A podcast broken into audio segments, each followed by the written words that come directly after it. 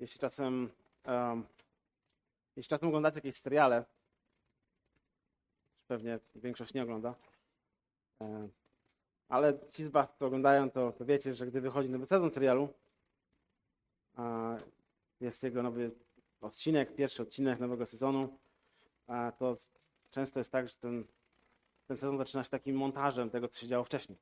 A, no bo tak, on ma zadanie nam pomóc, czy przypomnieć wątki, które były poruszane w poprzednich e, odcinkach, szczególnie jak pomiędzy jednym odcinkiem a drugim odcinkiem mija jakiś rok przerwy i, nie wiemy, gdzie jesteśmy, próbujemy sobie to przypomnieć, więc tak, tak sobie trochę myślę, że jestem wam winny e, taki mały montaż w poprzednich odcinkach teraz. E, kiedy wracamy właśnie do lektury Księgi Estery, którą zaczęliśmy, czy przerwaliśmy tą lekturę rok temu, znaczy tak naprawdę dwa miesiące temu, ale pozwoliłem sobie na ten jakże odkrywczy, odkrywczy żart. W każdym razie, tak czy inaczej, wydaje mi się, że dobrze będzie, jeśli sobie to przypomnimy. Czytamy Księgę Estery, dlatego że czytamy wiele, czy w zasadzie wszystkie inne księgi Biblii, e, wszystkie inne księgi Biblii, które są, e, jak wierzymy, natchnione przez Boga. Chcemy te księgi czytać e, w mniejszej bądź większej skali. Czasami skupiamy się na całej księdze, czasami skupiamy się na pojedynczych zdaniach tylko z, z całej księgi. Czasami przechodzimy przez całą księgę zdanie po zdaniu, werset po wersecie dlatego że wierzymy, że są to słowa natchnione przez Boga, które nam zostawił, żebyśmy dzisiaj mogli się uczyć e, odnośnie tego, jaki On jest i jaki my, jacy my jesteśmy, jaki plan ma dla nas i czego On nas oczekuje, czym jest Jego zbawienie kim jest Chrystus w naszym życiu. Więc Księga Estery jest jedną z tych ksiąg, które e, czytamy, studiujemy ją dlatego, żeby właśnie e, się czegoś o Bogu i o nas z tej księgi nauczyć. Jest to bardzo specyficzny e, dokument Starego Testamentu, dlatego że on w całości opowiada o genezie żydowskiego święta, jednego z żydowskich świąt, święta Purim. I sam sobie ten dokument jest taką sfabularyzowaną narracją, która zabiera nas do rzeczywistości V wieku przed naszą erą, do miasta e, Sudzy. To jest antyczne, święte miasto i zarazem letnia rezydencja perskich królów, dlatego że cała historia dzieje się w czasie, gdy na świecie, e, ówczesnym świecie rządzi e, Imperium Perskie i właśnie jednym z bohaterów księgi jest perski król Xerxes, znany między innymi ze swoich wypraw wojennych, wojennych do Grecji, które zostały zekranizowane czy przedstawione w filmu 300 Spartan oraz w innych różnych wyobrażeniach e, ze sztuki. I na początku historii przedstawionej w księdze Estery dochodzi do nieporozumienia pomiędzy królem a jego ówczesną żoną, królową Waszti. I to nieporozumienie bardzo mało rozsądne, o którym mówiliśmy, ono kończy się rozwodem. I po jakimś czasie król zaczyna poszukiwania jej następczyni i idąc za radą swoich dworzan organizuje konkurs na nową królową, w, której, w którym biorą udział dziewczęta z całego e, imperium. W tym momencie historii poznajemy tak naprawdę protagonistów tej historii, bohaterów tej historii, Żyda Mordochaja oraz jego potopieczną kuzynkę, sierotę, która straciła swoich rodziców, Esterę. I oni e, są e, właśnie dwoma takimi, czy dwójką głównych protagonistów całej historii e, i poznajemy ich jako postaci, które ukrywają swoje pochodzenie. Oni są Żydami, ale nikomu tego nie mówią. Więc ciężko powiedzieć, jak bardzo wbrew swojej woli Estera zostaje wciągnięta w całe zamieszanie szukania nowej królowej, E, które, tak jak mówiliśmy, głównie polegało na spędzeniu nocy z królem. E, I okazało się, że to właśnie była ona. Ona była tą jedyną, której król szukał.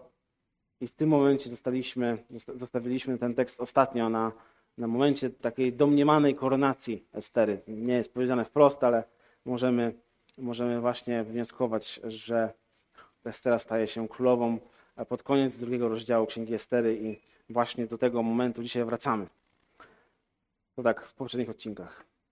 Jesteśmy e, dalej znowu w tej dziwnej księdze, księdze, która opowiada nam dziwną historię. Historię często bardzo trudną do odnalezienia się w niej, ciężką do zastosowania, ciężką do zinterpretowania. Ta księga nie mówi za wiele o Bogu. W zasadzie Bóg się w tej księdze wydaje się nie pojawiać. Więc zastanawiamy się, co mamy zrobić z tym jako chrześcijanie, po co mamy to czytać, e, jaką mądrość możemy z tego wyciągnąć i co ta księga mówi nam o tym, co jest dla nas najważniejsze, czyli o Chrystusie. I dzisiaj będziemy kontynuować nasze poszukiwania Jezusa właśnie w tej księdze. Będziemy, e, omówimy sobie e, końcówkę drugiego i trzeciego rozdziału, zastanowimy się, co tam się dzieje. I chciałbym dzisiaj powiedzieć w zasadzie tylko o dwóch rzeczach, dwie myśli nam zostawić. Po pierwsze to, że nasz grzech ma dużo większe konsekwencje niż nam się wydaje. A po drugie, że suwerenna Boża łaska jest dużo większa niż potrafimy sobie to wyobrazić. Także dzisiaj powiemy sobie o grzechu, o tym, jakie, jaką lawinę konsekwencji on potrafi wywołać w naszym życiu oraz o Bożej łasce, która tą lawinę potrafi powstrzymać. Skłonimy nasze głowę, oddajmy ten czas Bogu i będziemy czytać zaraz Boże Słowo. Ojcze, dziękujemy Ci za, za to, że możemy wracać w nowym roku znowu do Księgi Estery między innymi, a dziękujemy Ci za to, że e, Ty okazujesz nam tą łaskę, za to, że możemy tu być wszyscy, za to, że możemy się spotykać, za to, że możemy dalej czytać, rozważać Twoje Słowo. I prosimy Cię, żebyś nas dzisiaj prowadził w tych rozważaniach o grzechu i łasce, a prowadził nas w poszukiwaniu Chrystusa w Twoim Słowie. Prowadził nas e, w poznawaniu Chrystusa w naszym życiu, a prowadził nas w tym, żebyśmy e, potrafili ujrzeć e, Jezusa tak wspaniałym, jakim On jest, zachwycić się Nim i być przemieniani przez Twoją łaskę na Jego podobieństwo. O to Cię prosimy w imieniu Twojego Syna. Amen. Będę czytał 21 e, werset drugiego rozdziału Estery. Także jeżeli macie swoje Biblię, zachęcam, możemy ten tekst śledzić i co jakiś czas się będę zatrzymywał, bo jak mówiłem na początku sobie, e, omówimy, co tu się dzieje. Otóż w tym czasie, gdy Mordochaj był w orszaku królewskim, dwaj eunuchowie królewscy wśród stróżów progów, Bigdan i Teresz, wpadli w gniew i szukali sposobności, aby dokonać zamachu na króla Ahasferosza. To jest jego, e, to jest jego takie hebrajskie imię. Xerxes będzie jego imieniem perskim, tak? czyli mamy tutaj króla Xerxesa. Wiadomości o tej wiadomość o tej sprawie dotarła do Mordochaja. Więc nie wiemy, w jakich okolicznościach Mordochaj e, dowiaduje się o tym, że e, szykuje się jakiś spisek, zamach na króla. Wiemy natomiast, że Mordochaj no, piastuje jakiś wysoki urząd z jakiegoś powodu w tym królestwie. Znowu nie wiemy dlaczego. Możliwe, że Estera jakoś mu w tym pomogła. Możliwe, że po prostu już tam był. E, tutaj czytamy dosłownie i ci z was, którzy śledzą ten tekst, na przykład w przekładzie Piotra Zaręby, E, możemy przeczytać o tym, że Mordochaj siedział w bramie królewskiej. Tak? On dosłownie siedział w bramie królewskiej, dlatego że brama do pałacu królewskiego, a to w ogóle w Suzie była naprawdę porządna budowla, 40 na 28 metrów.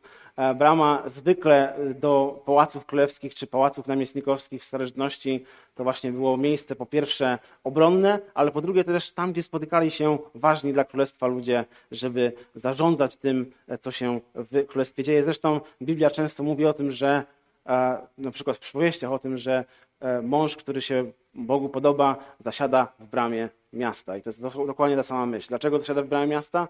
Nie dlatego, że nie ma co robić, tylko właśnie dlatego, że jest zajęty, że jest zajęty sprawami najważniejszymi. E, więc y, dowiadujemy się, że kiedy Mordochaj zasiada w tej bramie królewskiej, dowiaduje się, że szykuje się jakiś spisek na króla. I czytamy dalej, że podał on tą wiadomość królowej Esterze. Estera zaś w imieniu Mordochaja powiedziała o tym królowi. Sprawę zbadano i stwierdzono jej prawdziwość, wobec czego obu tych eunuchów powieszono na szubienicy, po czym zapisano to w obecności króla w księdze dziejów.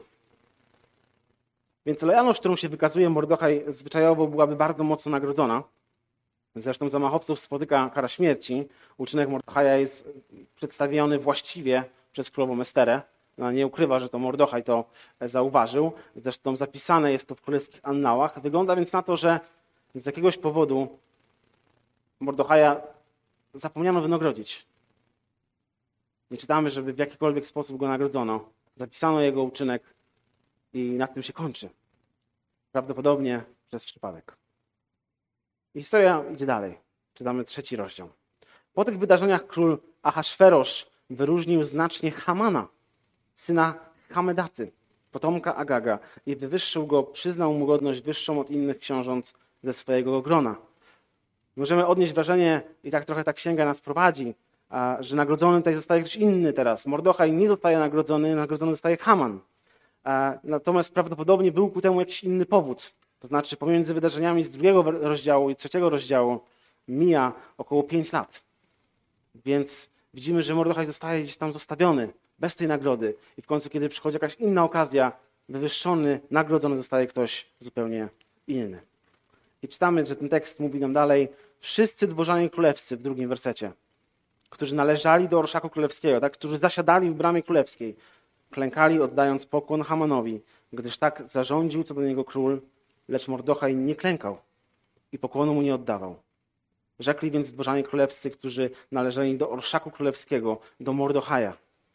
Dlaczego ty przekraczasz zarządzenie królewskie?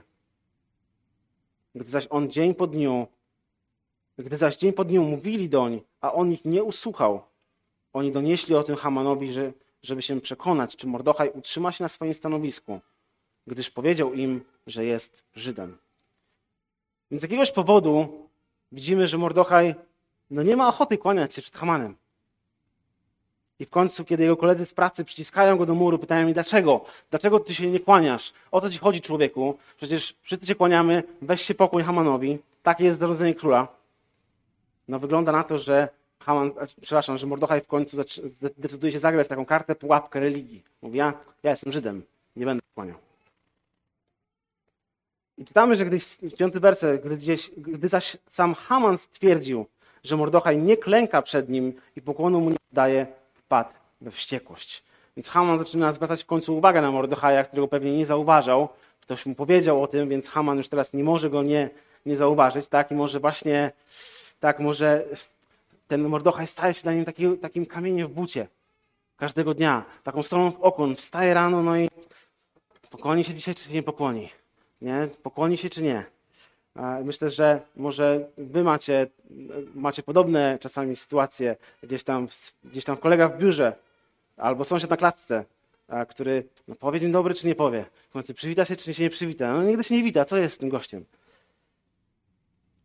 I ostatecznie widzimy, że Mordochaj jest nieugięty, ale Haman nie zamierza przebierać w środkach. Szósty werset. Haman uznawszy za rzecz uwłaczającą dla siebie podnieść rękę na samego Mordochaja. Skoro ujawniono przed nim jego narodowość, szukał Haman sposobności, aby zgładzić wszystkich Żydów, którzy byli w królestwie Ahasferosza, jako jego rodaków. Także jeżeli myśleliście, że król podjął pochopną decyzję i niewspółmierną do powagi sytuacji w pierwszym rozdziale, kiedy rozwiódł się ze swoją żoną, to Haman zdecydował się go przelicytować całkowicie, stając się modelem do naśladowania dla samego Adolfa Hitlera.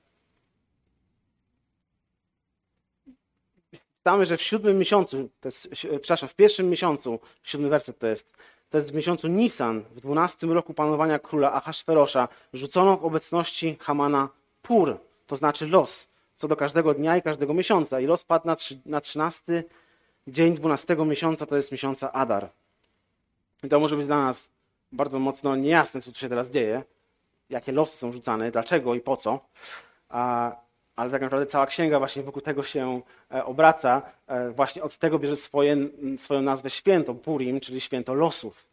Czym były losy? Losy były takimi glinianymi kostkami z inskrypcjami w piśmie e, klinowym najczęściej, bądź w jakimś innym, w zależności od regionu, ale one były bardzo popularne. Rzucano, rzucano, rzucano nimi dokładnie w taki sposób, jak się dzisiaj rzuca kostkami do gry. Także możecie z Łukaszem porozmawiać na ten temat, w jaki sposób kości powinny być zaprojektowane. Celem jednak nie była planszówka w tamtym czasie, nie był nawet hazard, e, natomiast e, była konsultacja jakaś taka z boską sferą. To znaczy wierzono, że, e, że kiedy rzuca się losami, rzuca się kośćmi, właśnie tymi specjalnymi kośćmi, to można uzyskać jakąś odpowiedź. I najczęściej zadawano pytania, które to, to, które, na które odpowiedzieć można było właśnie w ten sposób. Więc to, co robi Haman, to po prostu e, przychodzi i mówi: Mam bardzo ważną rzecz do zrobienia. Zobaczmy, co losy powiedzą, kiedy tą rzecz można zrobić. To jest, to jest idea, która tutaj jest. I ten sposób zasięgania Bożej Rady, on był używany na całym Bliskim Wschodzie, nawet w Izraelu, w księdze Jozłego. E, czytamy na przykład w 18 wersecie dokładnie to samo, kiedy Jozue próbuje dowiedzieć się, jak ma rozdysponować teren, który podbijają Izraelici. Właśnie w ten sposób e, zasięga Bożej Rady. Więc, y, więc czytamy, że Haman poprosił, by wylosowano właśnie datę, datę tego, tej realizacji jego pomysłu, natomiast dopiero później opowiada królowi, jaki on ma pomysł. Ósmy werset. Rzekł Haman do Ahasferosza, jest jeden lud rozproszony między innymi ludami i oddzielony od innych ludów we wszystkich prowincjach Twojego królestwa, mający inne prawa niż wszystkie ludy. Nie przestrzegają oni praw królewskich. To też jest rzeczą korzystną dla króla, tak? Nie jest rzeczą, przepraszam, korzystną dla króla takich pozostawić.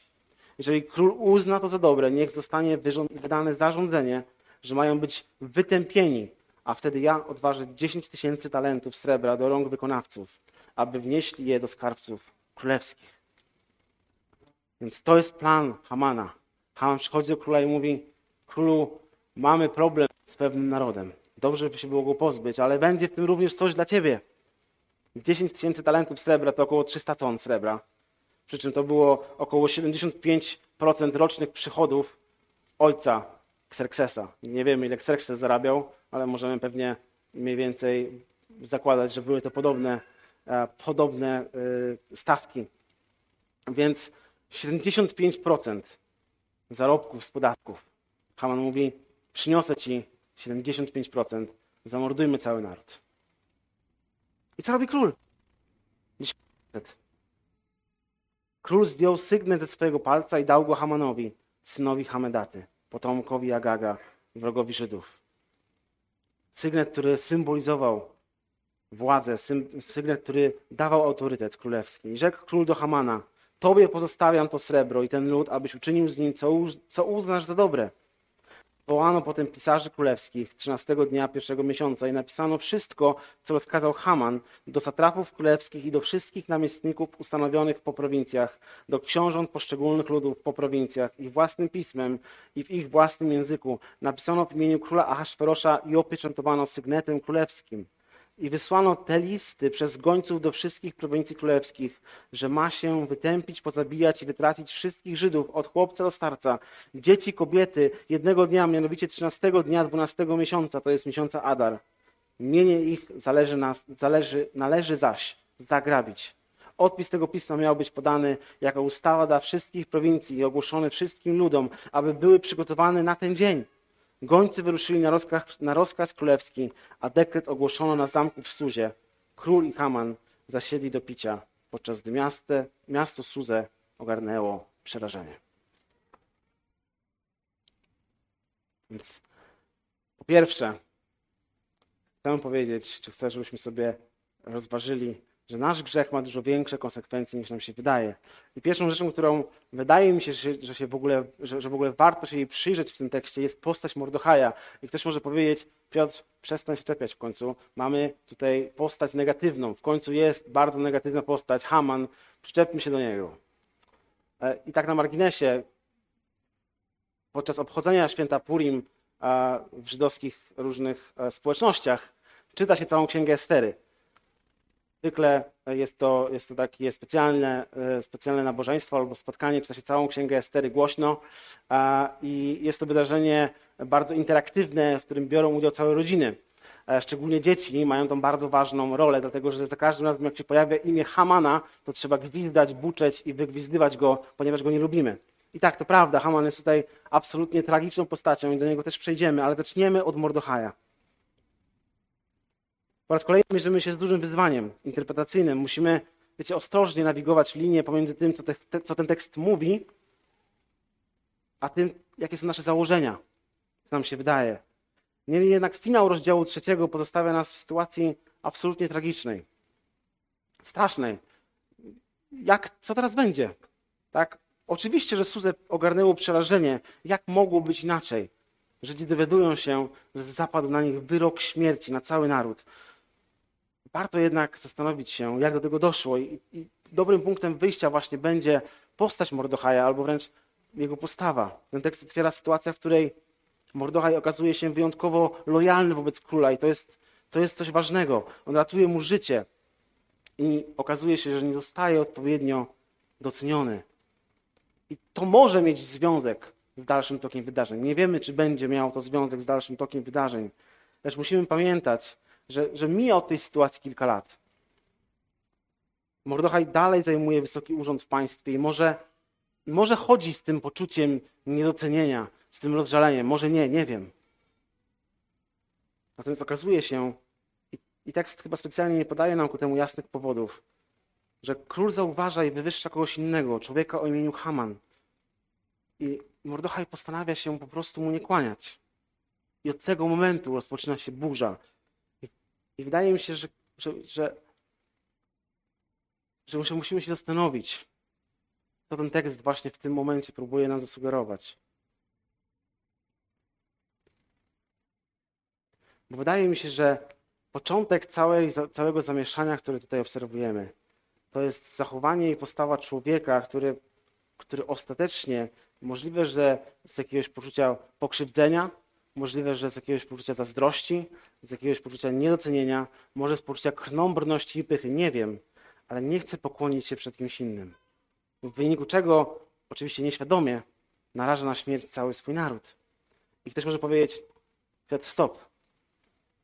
Przecież Mordochaj zrobił to z powodów religijnych.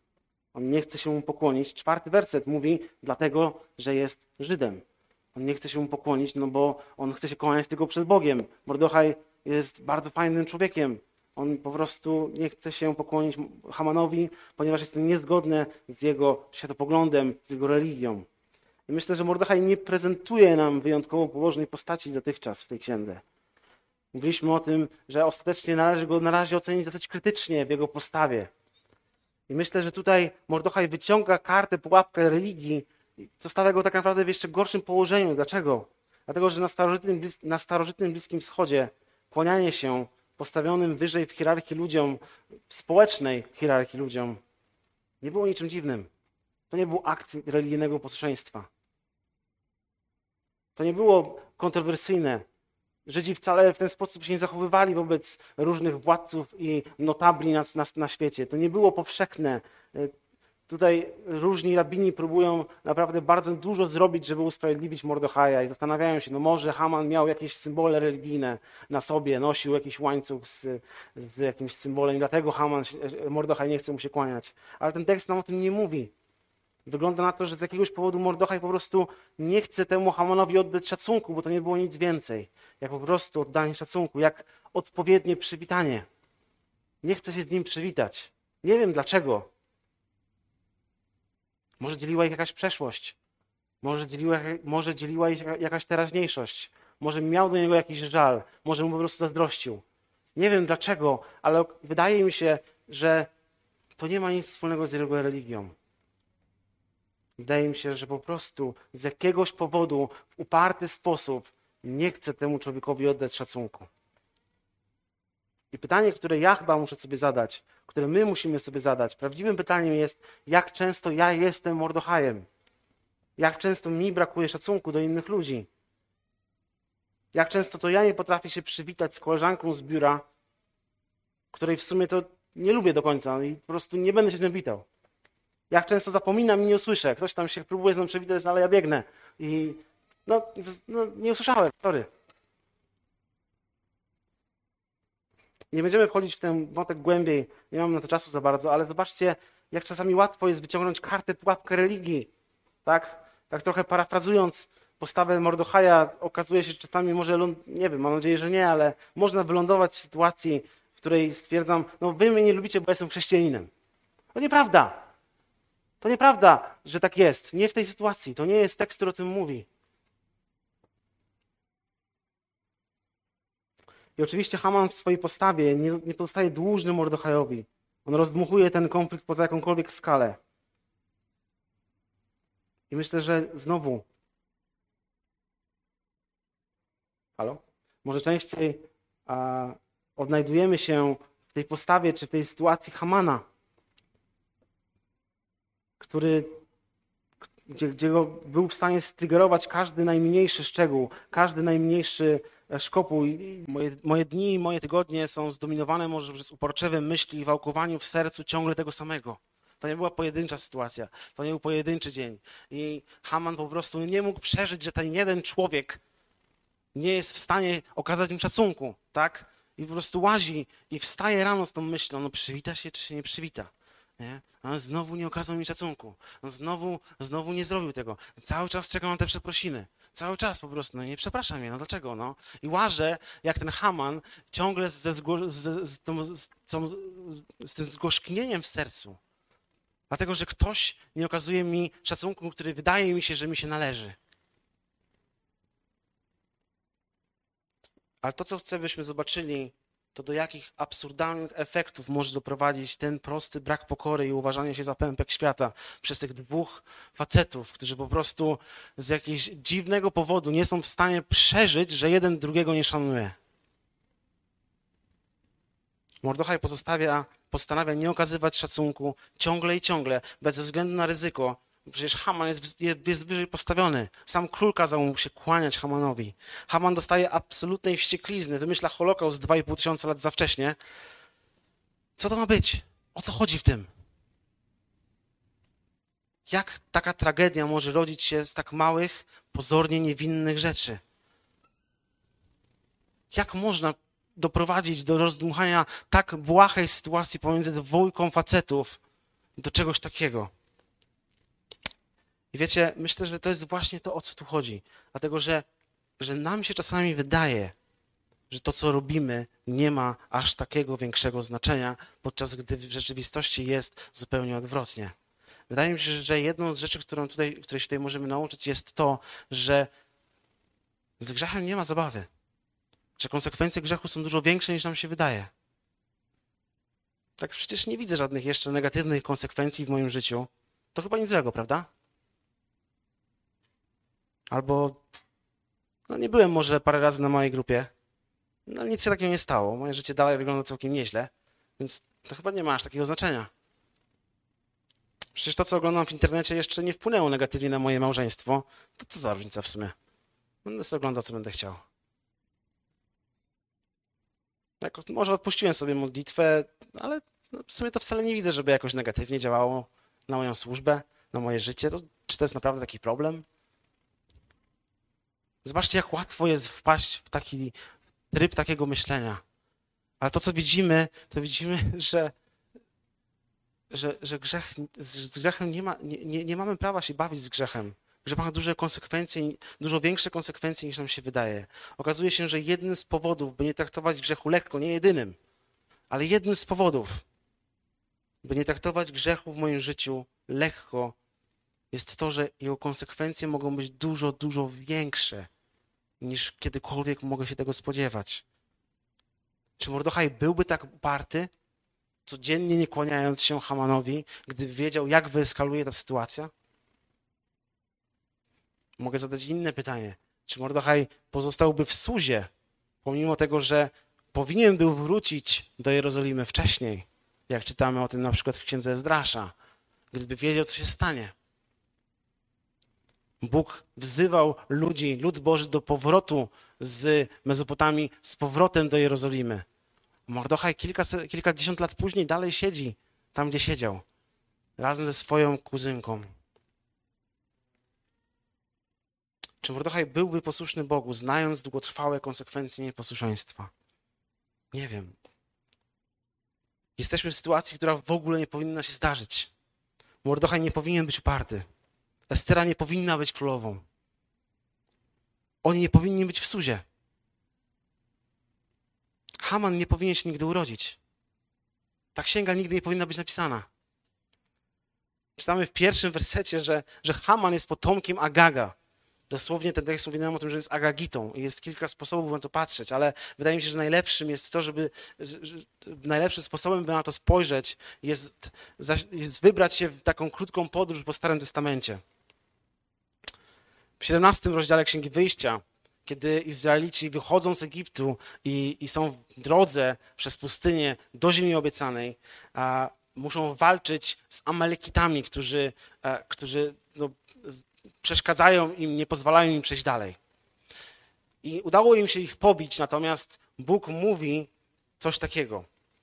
13 werset 17 wersetu Księgi Wyjścia. Tak pobił Jozue Amalekitów ich lud ostrzem miecza. Wtedy rzekł Pan do Mojżesza, zapisz to dla pamięci w księdze i wbij to w głowę Jozłego, że całkowicie wymarzę pamięć o Amalekitach pod niebem. I później w Księdze Powtórzonego, powtórzonego, powtórzonego Prawa w 25 rozdziale czytamy o tym, że Bóg cały czas przypomina Izraelitom o tych wydarzeniach. I zaraz dojdziemy do tego, dlaczego to ma wpływ, czy ma związek z naszą historią. W 25 rozdziale powtór- Księgi Powtórzone- Powtórzonego Prawa Bóg mówi: Pamiętaj, co ci uczynił Amalek w czasie drogi, gdy wyszliście z Egiptu, że stanął ci w drodze i gdy, i gdy ty byłeś zmęczony i strudzony, wybił wszystkich osłabionych, którzy pozostali w tyle i nie bał się Boga. Gdy wtedy Pan Bóg twój sprawi, że zaznacie spokoju od wszystkich waszych nieprzyjaciół okolicznych w tej ziemi, którą daje ci Pan, Bóg twój, w dziedziczne posiadanie, to ty wymarzesz pamięć o Amaleku pod niebem. Nie zapomnij o tym. I kiedy śledzimy historię Izraela i przenosimy się w przyszłość o kolejne kilkaset lat, dochodzimy do wydarzeń, które mają miejsce za życia pierwszego króla Izraela, którym był król Saul. Jest to opisane w pierwszej księdze Samuela, w 15 rozdziale, kiedy Saul ma właśnie wykonać zadanie, które Bóg powierzył czy zapowiadał już Mojżeszowi. I tak czytamy w 15 rozdziale. Tak mówi Pan zastępów: Chce pomścić to, co uczynił Amalek Izraelowi, stając mu na drodze, gdy wychodził z Egiptu. Idź więc i pobij Amaleka i wytęp jako obłożonego klątwą jego i wszystko, co do niego należy.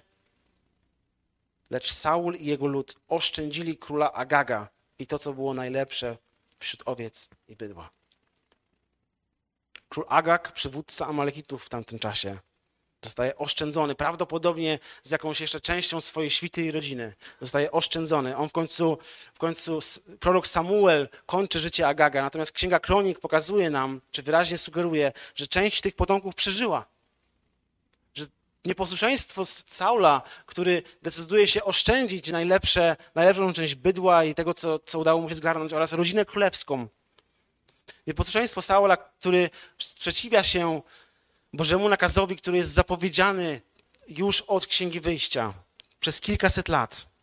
Nieposłuszeństwo Saula prawdopodobnie prowadzi do tego, że na świat przychodzi człowiek, który ma zamiar zniszczyć cały naród żydowski. Kilkaset lat później. Przyjaciele, grzech ma dużo większe konsekwencje, niż nam się czasami wydaje. I myślę, że Oczywiście z jednej strony możemy się teraz zastanawiać, no jak oni się wyplączą z tego bigosu, który nagotowali, ale tak naprawdę chyba ważniejszym pytaniem, bardziej kołatającym się w naszym sercu, w moim sercu pytaniem jest, jak ja mam żyć z takim obciążeniem? Jak ja mam sobie poradzić ze świadomością, że mój grzech i jego konsekwencje mogą, mo, mo, mogą ciążyć e, na ludziach w przyszłości, na całym moim życiu w przyszłości w sposób, który, który jest całkowicie niewspółmierny którego nie wyobrażam sobie nigdy.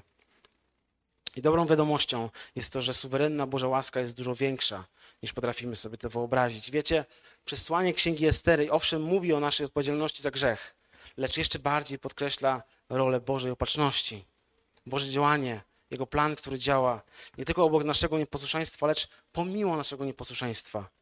Należałoby zauważyć mnóstwo Bożych śladów tej, tej Bożej opatrzności w tym tekście, począwszy od tego, że Wiecie, Haman musi czekać 11 miesięcy, by zrealizować swój plan. Losy, które zostają rzucone, dają Bożemu ludowi maksymalny możliwy czas na znalezienie ratunku. W 16 rozdziale Księgi Przypowieści czytamy, że losem potrząsa się w zanadrzu, lecz jego rozstrzygnięcie zależy od Pana. I rzeczywiście, pomimo tego, że, że Haman ma cudowny albo wręcz antycudowny, przerażający plan, doskonały plan zbrodni, to Bóg każe mu czekać maksymalny możliwy czas. Z drugiej strony edykt, który Haman rozsyła po imperium, by poinformować o wyroku w 15 wersecie, zostaje ogłoszony w dzień żydowskiego święta Paschy. Święta, które do, celebruje ratunek z niewoli, z niewoli egipskiej, jakby zapowiadając ratunek, który nadchodzi i tutaj. Żydzi cieszą się z ratunku, który wspominają w przeszłości i wtedy dowiadują się, że znowu potrzebują ratunku. I będziemy o tym mówić jeszcze w przyszłości, ale nawet to opóźnienie nagrody dla Mordechaja, bo okaże się, że on tą nagrodę w końcu dostanie. Ono również odegra kluczową rolę w historii ratunku w księdze Estery. To, co próbuję powiedzieć, to fakt, że pomimo iż grzech ma swoje konsekwencje. Pomimo, iż bohaterowie tej księgi często błądzą, pomimo tego, że wielu z tych sytuacji można było, albo można by było nawet powiedzieć, że należałoby uniknąć, należałoby do nich nie doprowadzić. Bóg o nich nie zapomina. Bóg się o nich nie odwraca. Bóg nie pozostawia ich samych sobie, lecz w swojej mądrości i łasce przygotowuje ratunek, który będziemy obserwować. I, i w cudowny sposób, nawet, nawet tak dziwna rzecz, jak to, w jakich okolicznościach Estera staje się królową, gdzie patrząc na to z boku, moglibyśmy powiedzieć, że to się nie powinno było zdarzyć. Oni tam naprawdę nie powinni być. On naprawdę nie powinien pozwolić, żeby Estera była, brała udział w tym całym dzikim konkursie na królową. Ale okazuje się, że nawet w tych dziwnych, złych, kiepskich decyzjach tych ludzi Bóg odnajduje swoją mądrość i prowadzi ich, pomimo ich nieposłuszeństwa, w kierunku swojej łaski, w kierunku ratunku. I myślę, że nie ma nic, że, że, że, jest, że, nie, że to jest jeden z najcudowniejszych obrazów tego, w jaki sposób Bóg działa w naszym życiu, dlatego że Chrystus przychodzi do naszego życia właśnie w taki sposób. Dlatego, że pomimo tego, jak, w jakim miejscu jesteś, pomimo tego, jak nie wygląda Twoje życie, pomimo tego, z jakim grzechem się nie mierzysz, pomimo tego, ile w życiu już naważyłeś tego bigosu, Bóg wyciąga do Ciebie dłoń. Chrystus wyciąga do Ciebie dłoń i jest gotowy przyjąć Cię do siebie, jest gotowy jest gotowy okazać Ci łaskę. A On umiera na krzyżu, dlatego żeby właśnie odkupić nasze grzechy. Może rozwaliliśmy sobie nasze życie, może czasami rozwalamy sobie nasze życie, ale jest ratunek. Jest ratunek oferowany od kogoś, kto jest dużo, dużo bardziej pokorny niż Haman, dużo bardziej pokorny niż Mordochaj. Od kogoś, który się nie obraził na nas, kiedy my zbuntowaliśmy się, zbuntowaliśmy się przeciwko Niemu. Od kogoś, kto zaoferował swoje życie po to, żeby odkupić Twój grzech. I wyciąga do Ciebie dłoń. I chwała Jemu za to. Więc podsumowując, nasz grzech ma dużo większe konsekwencje niż nam się wydaje. I myślę, że jest to czasami przerażająca myśl. Myślę, że ona powinna być przerażająca.